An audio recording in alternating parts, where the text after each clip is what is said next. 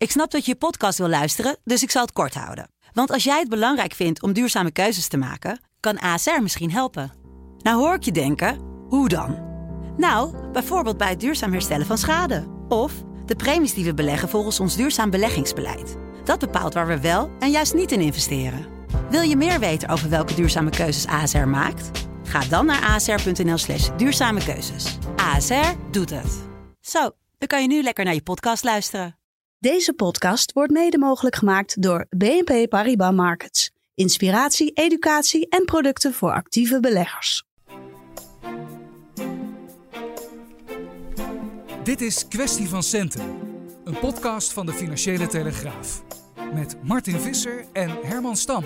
Ja, hartelijk welkom. Uh, niet alleen met Martin Visser, we zijn heel blij. We hebben een gast in onze studio. Dat is lang geleden voor ons. Marieke Blom is uh, aanwezig, de hoofdeconoom van ING. En de vrouw die zich ook gaat bemoeien met het uh, Wopke Wiebes Fonds. waar 20 miljard verdeeld gaat worden. En daar ben je een van de commissieleden van. Je vertelde hier bij binnenkomst dat je nou, hierdoor dus wel bent, maar nog helemaal niet bij ING bent geweest de afgelopen maanden tijdens de coronatijd. Hè? Nee, dat klopt. Ik heb mijn kantoor al een half jaar niet meer gezien en ik zit al die tijd thuis te werken. Ja. Nou ja, extra blij zijn we dat je hier dan nu bent. we gaan het uiteraard over Prinsjesdag hebben, over dat groeifonds. Wat waren je eerste gedachten als je dinsdag zo de speeches voorbij zag komen in de plannen? Nou, ja, ik vond het eigenlijk nog best wel een goede poging om nog een beetje optimistisch te zijn en, en vooruit te kijken. Maar ik weet niet of iedereen dat zo op die manier gehoord heeft. Ja. Zeg ik in alle eerlijkheid. Want je hoorde ook wel wat donkerte in de. Ja, nou, er zit natuurlijk ook heel nadrukkelijk een waarschuwing in voor wat er nog allemaal aan zit te komen. En die is ook wel terecht. Hè? En misschien is het dat ik me dat zo goed realiseer.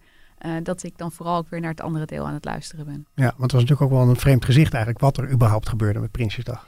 Ja, nou dat, hè, ik, ik, ben eigenlijk ieder jaar wel in Den Haag. En uh, normaal gesproken is het gewoon echt een hele feestelijke dag in Den Haag. En, en zie je gewoon dat mensen het echt leuk vinden en blij zijn om daar te zijn en daar echt van genieten.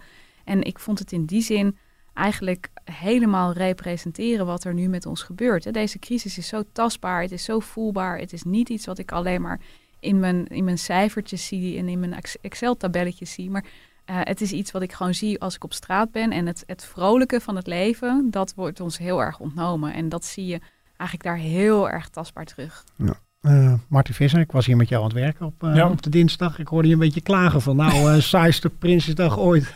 Ja, nee, misschien heb ik toch de hoedjes gemist en, en, en de gouden of glazen koets. Bedoel, ik dacht dat ik daar niet zoveel om gaf, maar inderdaad, bedoel, het was natuurlijk, ja, alle pracht en praal was eraf. Het was ook een beetje, ik vond het een beetje doods met die auto's, hoe ze, hoe ze dan van het paleis naar de grote kerk reden. Ja, en tegelijkertijd had ik ook het gevoel van. Um, uh, de, de, de, de, speech van de, de, de, speech, de troonrede, dat is ook een speech, maar de troonrede van de koning zat ik wel echt persoonlijke elementen in. Dat was ook in de ik-vorm in het begin. En dat was een vrij, veel langere inleiding dan normaal. Al heel snel als de troonrede een soort boodschappenlijstjes van alle ministeries. Maar nu was het echt heel duidelijk echt de tijd genomen om, om het verhaal neer te zetten. Ja, en, en nou, er was natuurlijk al heel veel uitgelekt. Dat, dat, wil, dat, dat is ook wel ieder jaar zo, maar dat helpt ook niet, niet heel erg. Maar ik, ik had toch mijn manier, ja, niet helemaal het gevoel dat het helemaal aansloot bij de, bij de, bij de crisisonderwerpen waar ik zo heel erg uh, mee, mee bezig ben. Uh, maar goed, het zal ook wel, het zal ook wel iets met die sfeer te maken hebben. Dat het zo, uh, zo ja, met je beetje tam en een beetje mat was. Ja, Er zit nog één positief ding in, vond ik. Ik, ik zag die ochtend de onderzoeken waaruit blijkt dat het vertrouwen in de regering eigenlijk heel hoog is. En wat er ook heel erg benadrukt werd in die troonrijden was de verbondenheid die we allemaal met elkaar voeden. Uh, en dat vind ik wel een hele mooie en hele positieve grondtoon hieronder. Dat het is allemaal vreselijk, maar we zijn het wel met elkaar aan het doen. En klaarblijkelijk is dat toch ook wel wat, wat we met z'n allen zo voelen. Alle recente cijfers en ramingen zijn ongekend in vredestijd. Met een historische krimp van ruim 5% in 2020. En met een verdubbeling van de werkloosheid, ook in één jaar.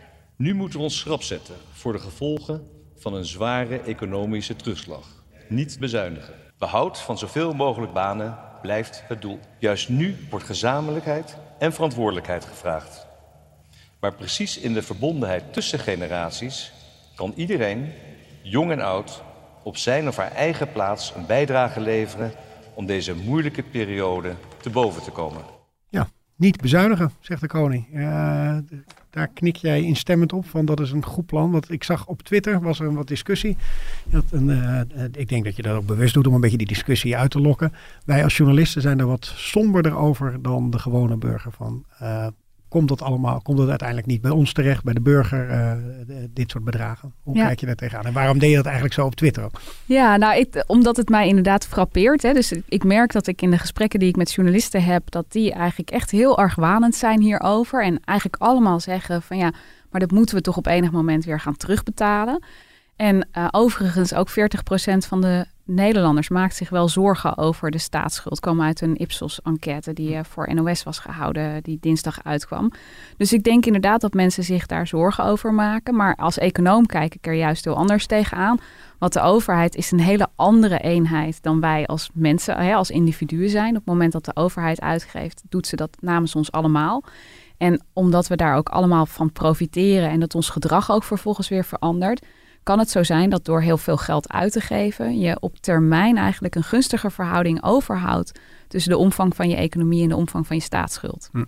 En um, dat geldt op korte termijn, omdat je eigenlijk op korte termijn allemaal van die zelfversterkende effecten hebt. Hè. Dus, dus als je je baan kwijtraakt, dan ga je minder consumeren bijvoorbeeld.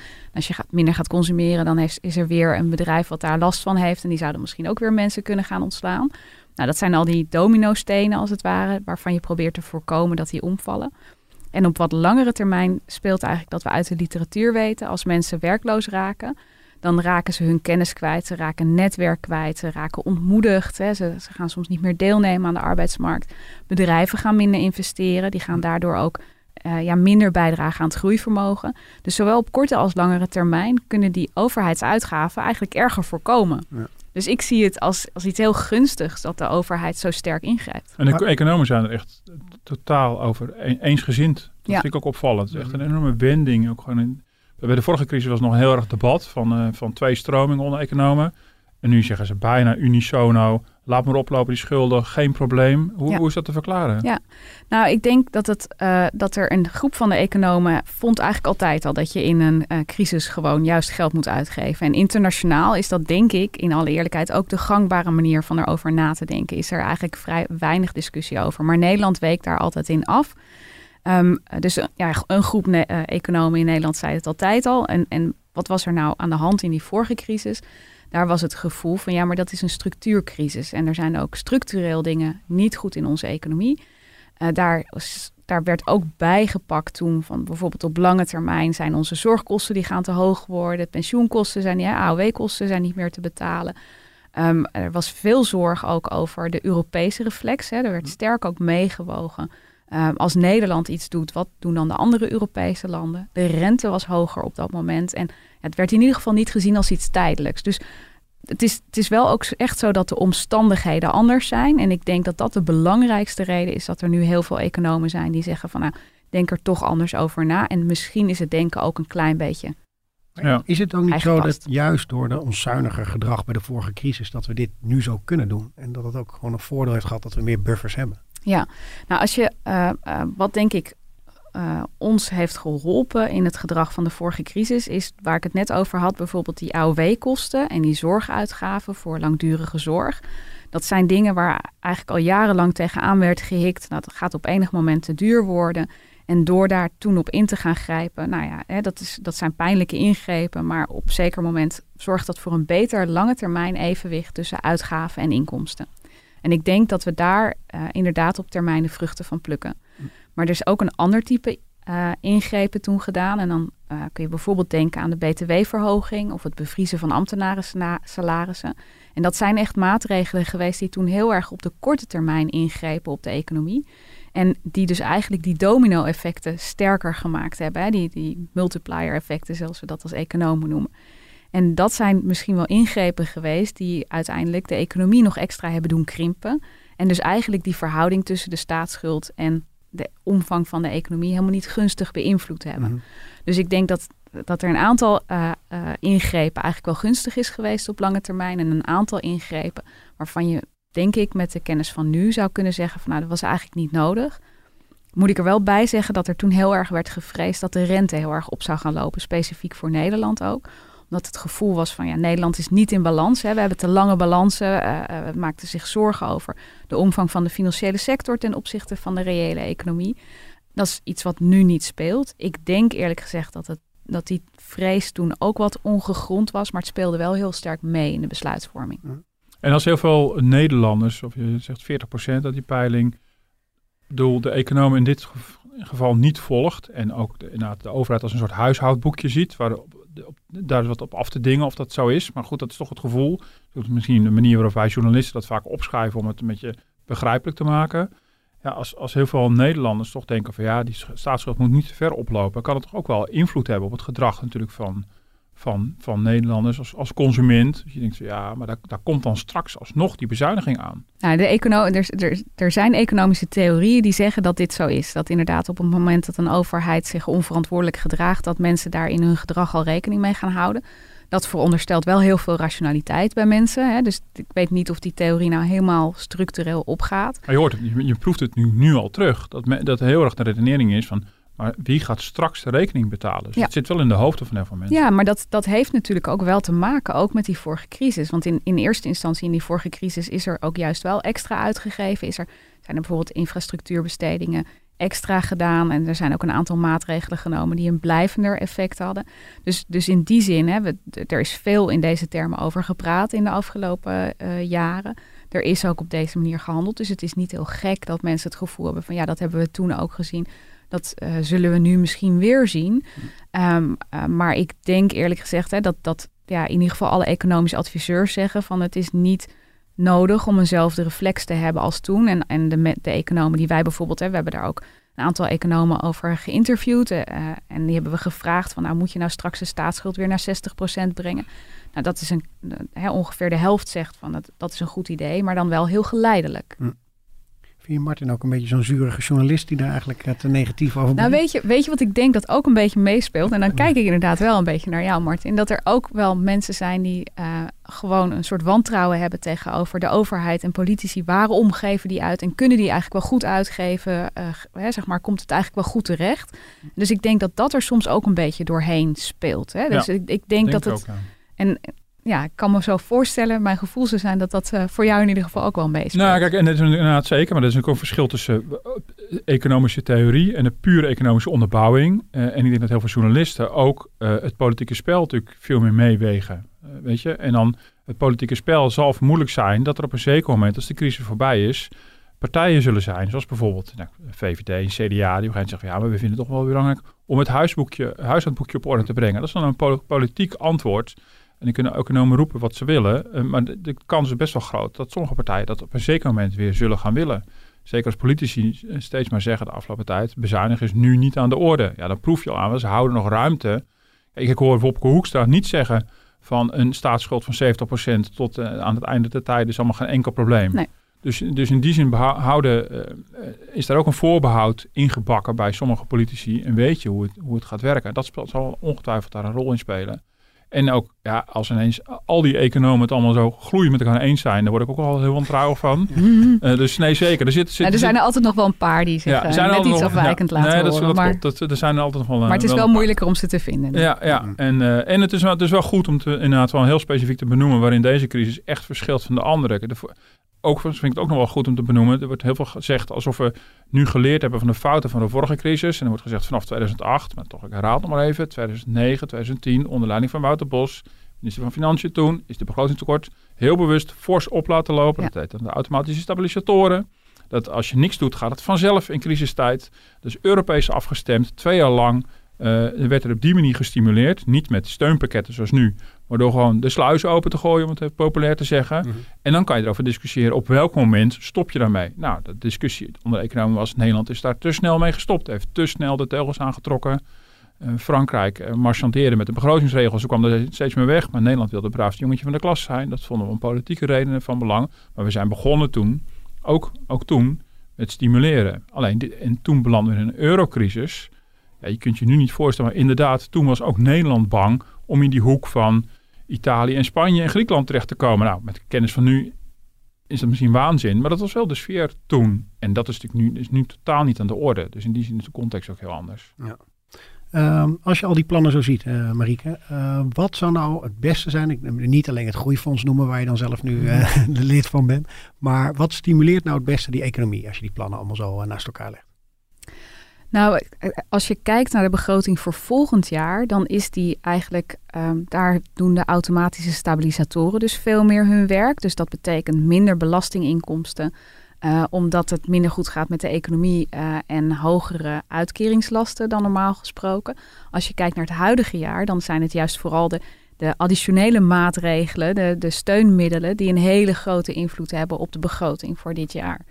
Nou, en ik denk dat, dat wat er dit jaar gebeurd is, dat dat dus uitermate verstandig is. Uh, en dat dat een hele grote invloed heeft op de economie. Dus ja, je kunt een beetje kijken naar hoe je dat precies inschat. Maar ik denk dat een goede maatstaf is in ieder geval wat er uitgegeven wordt door de overheid dit jaar. Nou, dat is wel ongeveer 60 miljard meer dan er vorig jaar uitgegeven werd. Dus het geeft een beetje gevoel voor hoe groot dat is. Hè. Dat is zo 7,5% van de omvang van de economie. Echt enorm. Als je volgend jaar kijkt, dan wordt er aan bedragen alweer ietsje minder uitgegeven. Uh, en dat heeft er natuurlijk ook mee te maken dat die hele grote steunpakketten wel echt langzamerhand afgebouwd worden. En uh, daarmee hebben ze volgend jaar dus ook veel minder een invloed op de economie. Als ik hè, op grote lijnen ben ik heel positief over, over hoe dat gaat. En als ik dan nog een kritische noot daarover zou plaatsen, zou ik zeggen van mij hadden die steunpakketten nog wel wat langer ruimhartiger nog mogen blijven. Hè, ook weer omdat ik denk, ja, daarmee voorkom je dus eigenlijk dat uh, gezonde bedrijven uh, om zouden vallen. Of misschien vast uh, niet omvallen, maar preventief personeel gaan ontslaan. Um, hè, door gewoon heel veel steun te geven, hou je die werkgelegenheid eigenlijk op de been. Tot hopelijk we met heel veel meer testen dan nu. Mm. En hopelijk een vaccin en, en, misschien ook nog betere medicijnen. Maar wat is je analyse daarvan? Waarom wordt dat niet gedaan? Ik geloof dat in Duitsland, maar het is allemaal moeilijk met elkaar te vergelijken. Dat het dan een langere looptijd is, hè, al die steunpakketten. Waarom hebben ze dat in Nederland niet gezet? Nou, je ziet dat in Nederland uh, in het denken ook echt meeweegt van er moet een herstructurering komen van de economie. En uh, het, het, denken daarbij is van ja, er zijn activiteiten die straks niet meer kunnen. Dus laten we dan nu maar vast die, die hele transitie van de economie op gang laten komen. Want ja, anders is het toch maar onnatuurlijk. En in Duitsland kiezen ze eigenlijk de andere benadering. En daar zeggen ze ja, het belangrijkste wat we kunnen doen is het voorkomen dat gezonde bedrijven omvallen. En ik vind die tweede benadering eigenlijk verstandiger. Uh, omdat je dus in een hele diepe economische recessie zit. Ook volgend jaar. Hè. Dat ziet er cijfermatig anders uit. Omdat we wel weer groei zien. Maar ja, dat komt omdat het dit jaar zo vreselijk slecht is gegaan. Um, en ik denk dan als je wat langer doorsteunt. Dan ja, dwarrelt het stof van die crisis nog wat meer neer. En dan is het ook wat makkelijker om te zien wat nou werkt en wat niet werkt. En wat ik eerlijk gezegd ook een beetje vrees, is als je zegt van nou ja, er moet toch een transitie komen. Kijk, we weten nu wel wat er niet gaat werken. Hè? Dus we weten wel welke bedrijven het lastig krijgen. Maar ja, zoek, nu maar eens iemand die durft te investeren in kansen. Hè, de investeringsbereidheid heeft ook te maken met je risicoperceptie. De risico's, die zijn gewoon groot nu. Dus, dus je kunt dan misschien wel weten wat er niet meer moet gebeuren. Maar hoe groot is de kans dat je nieuwe werkgelegenheid krijgt? op nieuwe gebieden waar mensen echt, echt in durven te gaan. In een omvang die vergelijkbaar is met de werkloosheid, die, de werkgelegenheid die we volgend jaar mm. kwijtraken. Dus ik denk, nou, steun nog hè, langer door. Uh, uh, hou het gewoon op die 90 procent. Uh, bouw ook niet hè, dat je nog meer en meer omzetverlies moet kunnen aantonen ja, daarmee hou je toch nog wat meer van die gezonde bedrijven in leven. Ja, hier waren precies ook die tien economen over verdeeld ook, hè, die jullie hebben ondervraagd. Dus sommigen die zeiden van ja, je houdt te lang gewoon niet gezonde bedrijven overeind. Ja. En dat is zonde van dat geld, simpel ja. gezegd. Ja. Ja, en dat, dat snap ik, die redenatie. Maar ik denk als je, als je nog wat langer doorgaat met steunen, Um, uh, dan is het een beetje vestzak broekzak, omdat je de bedragen die je uitgeeft, die geef je dan uit aan een nauwregeling. En als je het niet doet, dan geef je ze waarschijnlijk uit aan een WW-uitkering. Dus ik denk dat de kosten eigenlijk relatief beperkt zijn. En nogmaals, um, het veronderstelt dat we eigenlijk al zien waar de transitie naartoe moet. Hè? Wat dan wel? En ik denk dat we dat nog niet zien. Ik denk dat we echt nog niet weten of we uh, blijvend in een anderhalve meter samenleving terechtkomen. Ik hoop echt van harte dat dat niet zo is. En ik denk ook dat we er alles aan moeten doen om dat te voorkomen. Ja. Dit heeft ook veel kwaad bloed gezet. Volgens mij heeft Wiebes er ook iets eerder over gezegd. Hè? Een uitzending geloof ik bij Op 1 over herstructurering. En, uh, ja, uh, en bij Op 1 was het Klaas Knot die het al heel oh, vroeg zei. Ja. Uh, gek genoeg, van de Nederlandse Bank. Mm -hmm. en, en, en, was zo stoer om dat gewoon te zeggen. Terwijl de horeca-ondernemer naast me zat. Dat is al maanden geleden. Kijk, als die anderhalve meter economie, als die heel lang bij ons zou blijven. Dan, ja, dan is natuurlijk de helft van misschien wel de huidige horecabedrijven ja. niet in de kern gezond. Nou, dat is een realistische boodschap. En dan zou je misschien faciliteiten moeten gaan uh, financieren die eindebedrijf, omscholing en hè, het, het, starten van een andere onderneming faciliteren. In plaats van maar blijven subsidiëren. Van ja, iets. maar mag ik nee, maar het houdt, mag ik daar één ding over houdt een keer op natuurlijk. Ja, Toen kon je dat al een beetje proeven. Kla uh, Erik Wiebes heeft het op een gegeven moment ook gezegd in een van de persconferenties. Dat is al een tijd geleden hoor, dat ze dat al aangaven. Mark Rutte had het natuurlijk over het nieuwe normaal. En daarna hoorde je daar vanuit zijn hoek niet zo heel gek veel meer over. Um, maar dat is ook inderdaad wel de gedachte. Je, je, moet je gaan aanpassen. En dan is het eigenlijk, dat, dat, dat vraagt me tot nu toe eigenlijk nog steeds af van, even, even afgezien van of dat normaal nou zo normaal is. Maar goed, daar, daar kan je over twisten. Maar of er eigenlijk wel een nieuw normaal komt, of dat het misschien toch op een zeker moment, als we eh, qua vaccin en testen en weet ik wat allemaal, het zodanig onder controle hebben, dat er misschien eh, op een zeker moment ergens volgend jaar de maatregelen weer versoepeld gaan worden. Ja, waar pas je dan eigenlijk precies op aan? Precies. Mhm. Ja, maar dat, is ook de essentie. Precies. Kijk, en, en de gedachte is natuurlijk van uh, in de eerste ronde van de steun, je moet bedrijven die in, in de kern gezond zijn niet om laten vallen. En dan ga je stapje voor stapje ga je naar de redenering van ja, je moet bedrijven uh, uh, de, de, de, kans geven om gezond te worden in, dat nieuwe, in die nieuwe anderhalve meter economie. Maar als dat geen blijvende situatie is, waar duw je die bedrijven dan precies naartoe? Dat is toch wel ingewikkeld. En overigens, die steunpakketten hebben wel enorme effecten.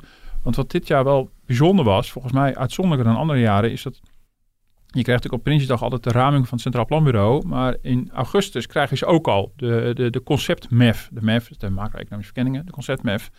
En normaal gesproken zit daar niet zoveel verschil tussen. Dus dan zie je eigenlijk de raming voordat de begroting wordt uitonderhandeld en daarna. En nu waren de verschillen best wel groot. Bijvoorbeeld in werkloosheid scheelde dat aanzienlijk. Mhm. En een van de aspecten was, was dat bij die uh, half augustus met die MEF was het steunpakket nog niet rond. Was ook niet bekend dat de investeringen naar voren werden gehaald door, de, door het kabinet. Dus uh, ja, er is best wel het een en ander veranderd in, in, uh, nou, in, in een dikke maand tijd. Je ziet dat de effecten en in vervolgens de modellen heel groot kunnen zijn. Ja op, op bijvoorbeeld werkloosheid. Nou, dat is, dat is nogal relevant. Uh, of mensen wel of niet hun baan gaan verliezen volgend jaar. Ja, zeker. En overigens, hè, ik, ik merk, want ik spreek natuurlijk ook veel voor ondernemers. En die spreekt het juist heel erg aan. Hè, van ja, je moet niet uh, gezond, ja, je moet bedrijven niet aan het infuus laten liggen. En dan probeer ik inderdaad ook altijd uit te leggen van ja, dat klinkt misschien wel heel gek en dat klinkt heel onnatuurlijk, dat is het ook. Maar als het inderdaad waar is, en ik, ik vind ook echt dat we daar gewoon voorlopig van uit moeten gaan, dat we ergens in het komende jaar dat virus de baas zijn, ja, dan is het gewoon een tijdelijke periode die je op die manier dan kan doorkomen. Ja, dan maar onnatuurlijk. Mm als we dan daarna gewoon weer redelijk normaal kunnen, kunnen aantrekken, ja. dan, uh, dan zou dat toch veel gunstiger zijn. Nou, je ziet overigens wel dat, dat de steunaanvragen echt substantieel zijn gedaald. Al in die tweede ronde al veel minder dan bij de eerste. En dat heeft niet zoveel met de aangeschepte eisen te maken, maar gewoon uh, ja, dat er of minder behoefte aan is, of gewoon domweg minder gebruik van wordt gemaakt. Omdat heel veel ondernemers het eigen is om te proberen zodra het kan, om het gewoon weer in eigen hand te houden en, en, op eigen benen te staan. Maar goed, um, en het argument van je, je steunt uh, zwakke bedrijven, je laat bedrijven overleven, eh, is in die zin valide. Um, omdat je natuurlijk wel in de faillissementstatistieken ziet dat er dus gewoon nu minder faillissement hebben dan een jaar geleden. Dat is ook heel raar. Maar goed, dat is de vraag of dat voldoende reden is om het dan dus maar niet te doen. Maar je ziet het dus wel gebeuren. Er zijn echt absurd weinig faillissementen tot nu toe. Gelukkig maar. Maar het is, het is wel heel, het is, het is wel, de statistieken zijn uh, heel wonderlijk, uh, ja. deze crisis. Ja, ja maar, je, maar je zegt van, ja, ja, je laat zombiebedrijven in leven, maar je laat ook gezonde bedrijven Zeker. in leven. En ja. we, we hebben dus eigenlijk allemaal geen idee over de verhouding tussen, tussen de steun voor zombiebedrijven en de steun voor levensvatbare bedrijven. En uh, ja, je bepaalt dus mede ook door je steunprogramma welke bedrijven er levensvatbaar blijven. Ja, maar goed, het is ook gewoon heel even om het concreet te maken voor onze luisteraar als je bijvoorbeeld nu een pijpelaar van een café hebt, dan uh, ben je ook de klos zonder dat je daar zelf ooit iets aan kon doen. Maar dan heb je ook niet echt meer een verdienmodel voor de komende jaren, toch? Nou ja, dat is de vraag of je dat inderdaad echt voor de komende jaren niet meer hebt. Hè? Ik bedoel, als je kijkt naar de ontwikkeling van sneltesten bijvoorbeeld. Hè? Dus, dus het is echt een combinatie van dingen. Hè? Dus het is testen, het zijn vaccins en het zijn medicijnen. En ook dat we nog meer moeten weten natuurlijk over de verspreiding van het mhm. virus. Dus we moeten beter weten of het nou inderdaad wel of niet die aerosolen zijn. Of dat het inderdaad echt alleen maar die grote deeltjes zijn. Ehm, ja, ik zou toch denken dat met, met alle inzet die er nu op gegeven wordt, dat je toch over een half jaar een heel eind verder bent met sneltesten. En als het nou waar is, hè, wat ik vandaag er, in de Volkskrant zag, nou, het, dat kan dan misschien wel binnen een uur. Mm. Ja, dan, ja, dan test je even voordat je het café ingaat. Voordat je die pijpla ingaat, ja. Nou, dat zou, toch, dat zou ontzettend veel uitmaken. Ook omdat je dus dan mensen die het wel hebben... gewoon veel sneller uit de maatschappij kunt halen. Ja. Cafébezoeker uh, Visser uh, kijkt al uh, vrolijk of niet. nee. Nou ja, dan heb je nog het aspect van of mensen zich veilig genoeg voelen. Hè? Bedoel, mm. We hebben ook heel veel discussie over, over lockdowns en hoe streng die hadden moeten zijn. Spanje versus Nederland versus Zweden. Maar uh, hoe streng of niet streng. Ik bedoel, op een gegeven moment zijn er ook heel veel mensen die gewoon zelf een beslissing nemen. Ik wil wel of niet naar de horeca kijken. Als ik mezelf kijk, doe ik heel veel dingen die wel kunnen. Veel minder. Ik bedoel, mhm. dat is een persoonlijke afweging. Dus dat aspect heb je natuurlijk, uh, heb je natuurlijk ook nog eens een keer. Dus cafébezoeker Visser, uh, is maar even, die wacht dus even rustig uh, af.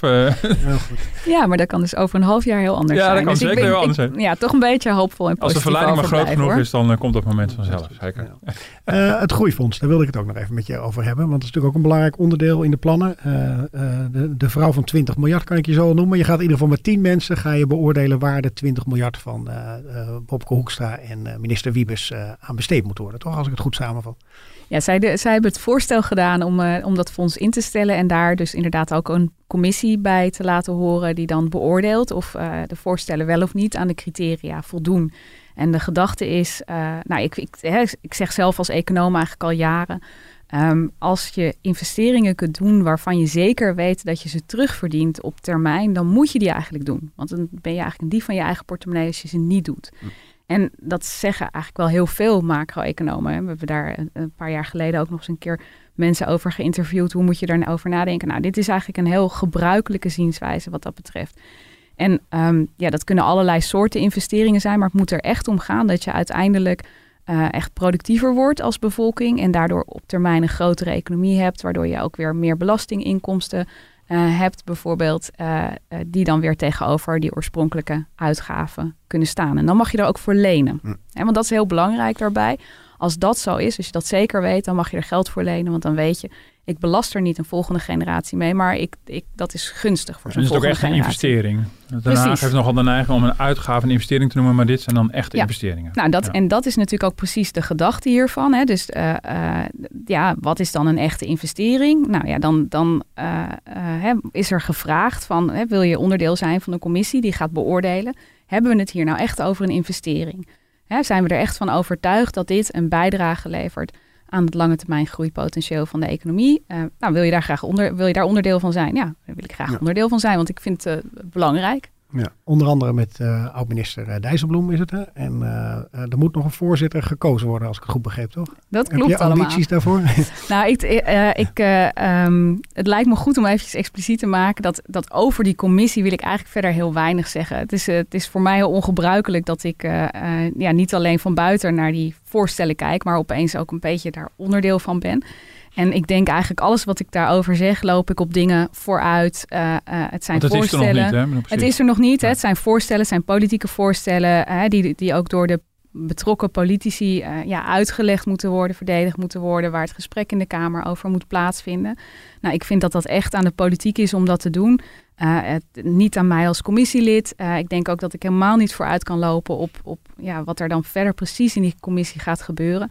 Dus ja, uh, daarover ga ik eigenlijk allemaal zeggen van ja, dat is echt aan de politiek uh, nu om het daar met elkaar over te hebben. Dat vinden wij reuze jammer natuurlijk. Maar Martin ja. kan er vast wel wat over zeggen. Ja, wat moet zo'n fonds doen? Ja, ik snap het wel, want er is natuurlijk wel wat kritiek op, uh, op, het, op het fonds. En dan kan je natuurlijk, als je ineens daar onderdeel van bent, ja, je kan er wel in mengen, maar dat zou toch heel raar zijn. En dat, dat, dat ja. is een beetje gek. Dus dan moet je afwachten tot je echt geïnstalleerd bent en dan uh, nee, want de kritiek is natuurlijk. Nou, A, uh, voor mij is voor de gedachte heel veel steun. Bedoel, niet alleen bij experts, maar ook in, de politiek. De, op zich de algemene gedachte. Het is natuurlijk wel heel, uh, echt wel weer baanbrekend dat, dat er nu een keuze wordt gemaakt door de politiek om, om heel bewust de staatsschuld te laten oplopen. om dat geld dan in investeringen te steken. We hebben zo'n fonds eerder gehad. Het Fonds Economische Structuurversterking. Maar dat kwam toen voor een groot deel uit aardgasbaten. Dus daar hebben we niet voor geleend. Maar dat was gewoon inkomsten die we kregen. die we op een verstandige manier wilden gaan uit, eh, uitgeven. En nu is de vraag, uh, A, welke rol heeft de politiek hierin?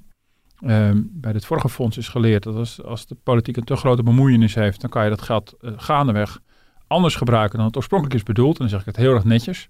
Ehm, dus daar, daar kwam uiteindelijk niet zoveel van terecht.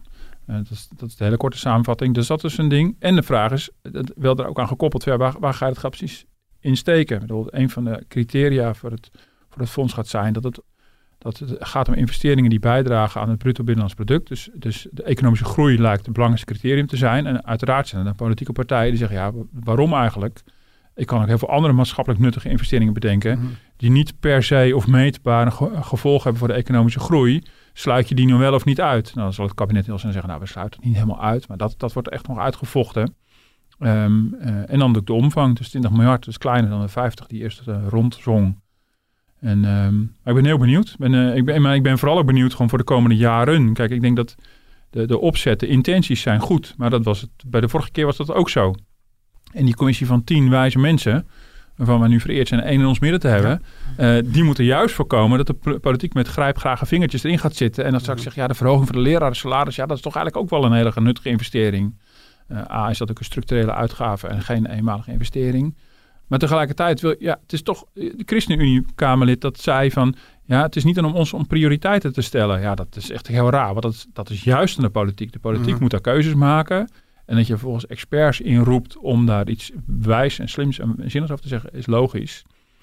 Maar goed, dit wordt waarschijnlijk ook nog weer onderdeel van de kabinetsformatie. Met, met toch als risico dat je dat je toch weer dichter naar de politiek toetrekt. Met als gevaar dat je het gaat bestemmen voor dingen die toch niet additioneel waren. En, uh, dus dat is een heel interessant spanningsveld. Uh, en ik kan me heel goed voorstellen, Marieke denkt van, ja. dat is nu even niet aan mij. Nee, ik ga, ik ga hier inderdaad Alle andere bankeconomen kunnen er lekker op los, maar, maar, deze maar even niet. Dus dat, uh, dat is even een spannende strijd. Maar blijft dat ook gedurende dat het, uh, het fonds dus uh, investeringen gaat doen, dat jullie eigenlijk helemaal geen commentaar erop geven? Want eigenlijk wil je aan de andere kant ook wel jullie mening erover horen van waarom je iets goedkeurt en waarom je het belangrijk vindt. Of laat je, blijft dat altijd bij de politiek?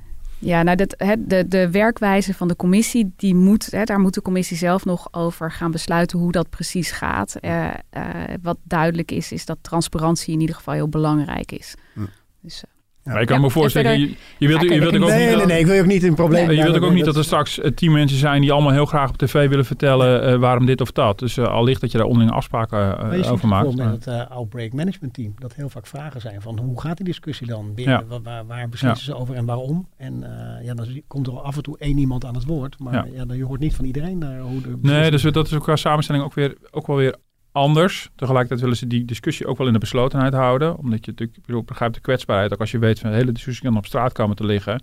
Dit gaat straks dan over, dat gaat over gezondheidsbelangen. Dit gaat over hele grote financiële belangen. Bedoel, reken maar dat het brievenbusje van deze commissie straks vol zit als het al niet... Ik bedoel, de brievenbusje is er nog niet, dus ik kan nu nog niet vol zitten.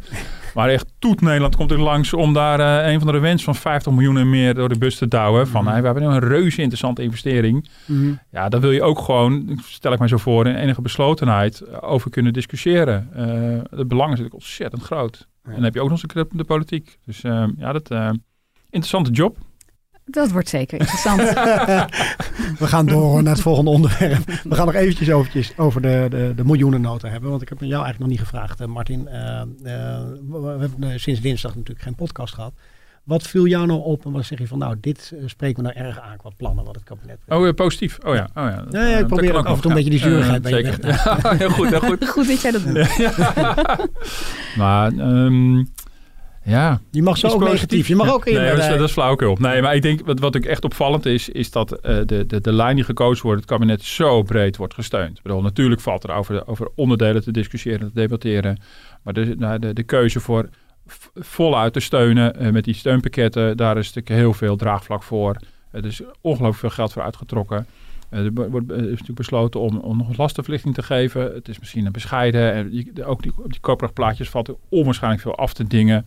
Ehm, maar ook, ook nou, die, die plaatjes zien er in ieder geval allemaal eh, nog, nog redelijk goed uit.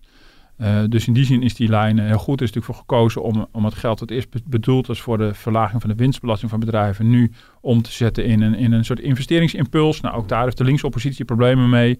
Want ja, het komt allemaal uit de koker van VNO en dus is het verdacht. Maar de gedachte dat je nu liever investeringen stimuleert in plaats van dat je een, een belastingverlaging aan bedrijven geeft, is allemaal heel erg veel voor te zeggen. Uh, dus in die, en dat vind ik echt wel opvallend. Het is ook een moeilijke begroting voor mij om, eh, om, om echt, echt substantiële gaten op te schieten. Het enige wat ik echt opvallend vind, Uh, ga ik, dan komt dat zuurpruimpje komt er toch weer boven. En dat, dat deed ik ook wel de echte kritiek van de Raad van State. Is dat je in deze crisistijd met zo ontzettend veel onzekerheid. Um, eigenlijk een soort, uh, ja, een soort wat-als begroting zou willen zien. Uh, het Centraal Planbureau um, heeft een basisscenario en een tweede golfscenario. Ze zijn ooit begonnen met vier scenario's. Ze hebben het teruggebracht tot twee. Het is heel mhm. beperkt omdat je weet, ja, de basisscenario, de onzekerheid is normaal al groot bij voorspellingen. Maar nu is het natuurlijk helemaal krankzinnig groot. Wat, zijn, wat, zijn, wat, wat gaat eigenlijk de reactie zijn en wat zijn de prioriteiten als het totaal anders gaat lopen? Um, en het miljoenennota besteedt eigenlijk geen aandacht aan de tweede golfscenario, behalve dan dat ze hem even noemen. En, mm -hmm. that's it. En er staat ook wel bij dat het voor de overheidsfinanciën uh, een risico is als het, uh, als het tweede golfscenario zich voordoet. En ik ben een beetje bang dat ook in het vervolg hierop ook de politieke partijen bij het schrijven van hun verkiezingsprogramma's dat ook niet zullen gaan doen. Terwijl volgens mij, ik, ik bedoel, het is heel makkelijk praten vanaf de zijn en dat is natuurlijk echt ingewikkeld. Maar ik denk dat het de komende tijd in deze momenten van onzekerheid juist op, op aankomt om prioriteiten te gaan stellen. Dat het ook duidelijk is van uh, wat doe je als het toch helemaal misgaat? Uh, wat doen we dan? Blijven we dan maar uitgeven? Of komt die discussie over bezuinigen dan alsnog naar voren? Dat zou ik willen weten. Of is het echt gewoon handelen op het moment? Nou, dat, dat valt mij erg op. Ja, nou, je, je, zou je kunnen voorstellen dat als je het over de verkiezingsprogramma's hebt, dat je eigenlijk een soort uh, knip maakt tussen wat je in je reguliere begroting zou doen, dus wat je in normale omstandigheden zou doen, en dat je ook gevraagd wordt uit te leggen van nou stel dat je inderdaad in een heel heftig tweede golf uh, scenario terecht zou komen. Um, uh, en dan zou je die twee dingen apart van elkaar moeten gaan beoordelen. Hè? Dan, kan je zeggen van oké, nou ziet het er nou uit of je in normale omstandigheden een redelijk evenwicht hebt tussen wat je uitgeeft en wat er inkomt. En wat zouden daar dan de effecten van kunnen zijn op lange, lange en korte termijn voor de economie. En dat je daarnaast nog kijkt naar ja, wat ben je dan van plan aan steunpakketten te doen. En het is wel altijd belangrijk met die steunpakketten mensen hebben heel, heel sterk het gevoel van ja, maar zoveel geld en de miljarden die, die vliegen je om de oren. Het is nu eenmaal zo dat voor een staatsschuld tijdelijk geld, eenmalig geld, is gewoon ja, op het grote geheel van die, van die ja, hele grote bedragen, is dat dan toch weer relatief klein. Hè? Dus dan krijg je in één keer een sprong in de staatsschuld. En uh, ja, daarna, als, als je nogmaals een goed evenwicht hebt tussen wat er op lange termijn inkomt en, en uitgaat, ja, dan hoeft dat eigenlijk niet zo heel erg te zijn hm. voor je overheidsfinanciën. Dus ik, ik ben in die zin ook wat minder bezorgd over de effecten voor de overheidsfinanciën, omdat je weet van, nou ja, ik zou er redelijk van uitgaan dat als het dan nog een keer gebeurt, dat het dan toch tijdelijk is. Nogmaals, omdat ik ook echt denk van ja, dit is een wereldwijde pandemie. Um, uh, een vaccin, dat durf ik niet met 100% zekerheid te zeggen, maar dat er sneltesten uh, kunnen komen die uh, desnoods heel massaal en heel regelmatig afgenomen uh, kunnen gaan worden. Dat lijkt mij heel waarschijnlijk, want er is zo'n ongelooflijk belang mee gemoeid, mm -hmm. dat dat ja, dat kan haast niet anders dat we daar wat op vinden. Nou, ik vind het opvallend. Ik heb jullie bij de economische bureaus en de banken werken met allemaal scenario's. Ik was van de week had ik een bijeenkomst met allemaal bedrijven, met CEO's die ook allemaal met scenario's werken. Die maken bij wijze van spreken uh, drie soorten begroting. Uh, omdat je gewoon weet van, moet je misschien, uh, ik weet niet of het echt drie begrotingen zijn, maar die, die, hebben natuurlijk, die weten van die ene begroting, ja, dit, dit gaat nooit precies zo worden. Het, het, kan meerdere kanten op. En die proberen toch wel op voorhand al te denken, wat zijn de verschillende kanten die het op zouden kunnen, zodat je van tevoren al, al iets gaat nadenken over de keuzes die je maakt. En dat vind ik opvallend, dat, dat, dat zo'n, onze rijksbegroting gewoon het vaste stramien volgt bij wijze van spreken doet alsof het, of de raming van het Centraal Planbureau, van, nou dat is het. Ja, terwijl de, het is, en dan zeggen ze in, in woorden er wel bij, het is onzekerder dan ooit. Maar laat, laat dat dan ook zien. Dat vind ik wel echt, echt opvallend. Ik heb het gevoel dat het, we hebben ook wel pogingen gedaan om bij de ministeries ook informatie te krijgen van hoe, hoe analyseren jullie zelf die crisis? Wat zijn volgens jullie de verschillende fases? Denken jullie al na over uh, welk beleid hoort bij welke fase? Welk beleid hoort bij welke ontsporing?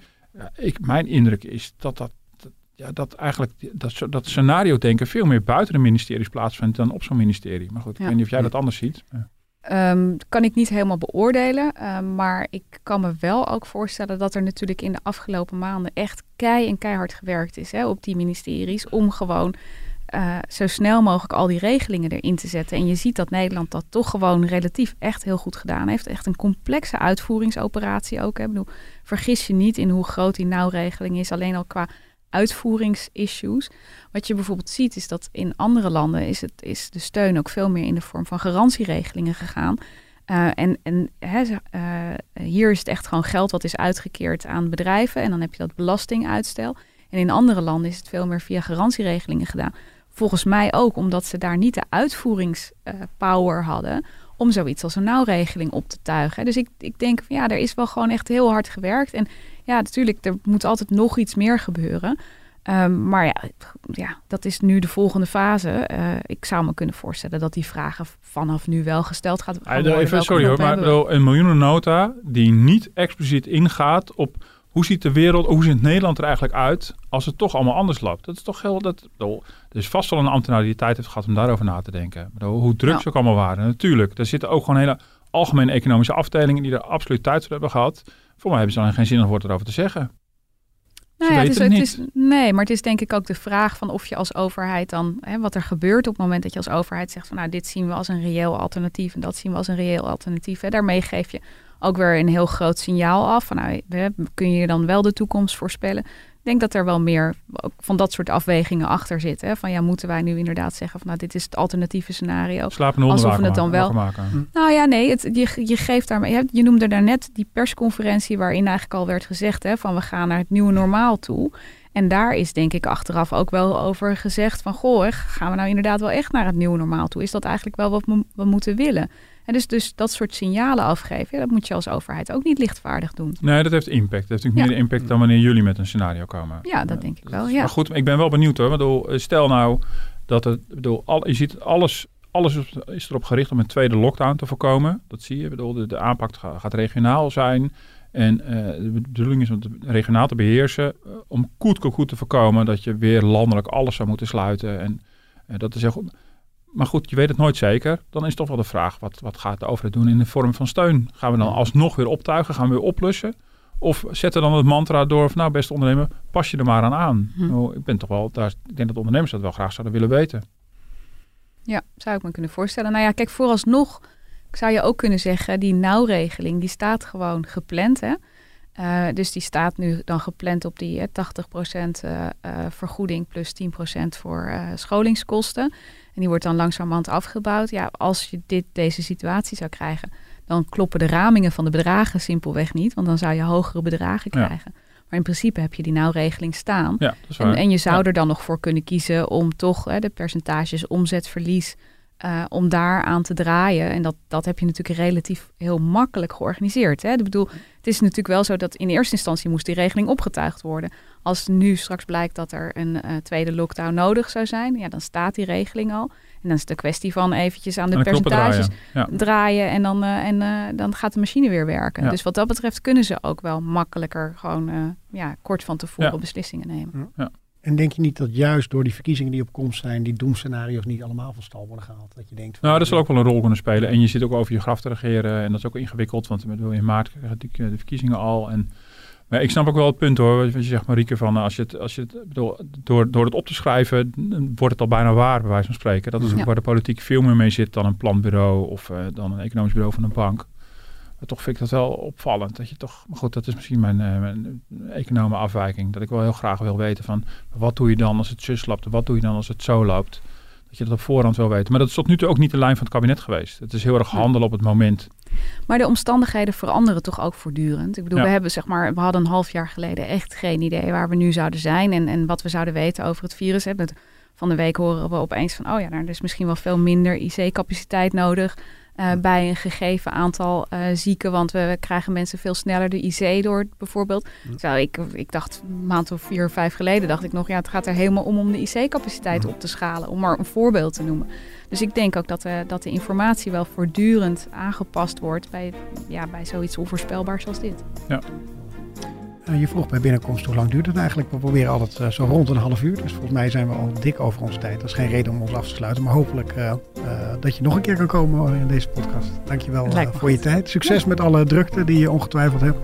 Alle brieven die worden gestuurd richting, zoals Martin zei, alle verzoeken. Dank voor de uitnodiging. Je er alles van weten, maar je kan er te weinig over vertellen. Maar nou, heel fijn dat je hier was. Martin, jij ook. Ehm, volgende week zijn we er weer. en u kunt ons terugluisteren via iTunes of Spotify. En e-mail sturen naar, uh, ik moet het goed zeggen, podcast.dft.nl. Bedankt voor het luisteren. Ja, tot volgende week.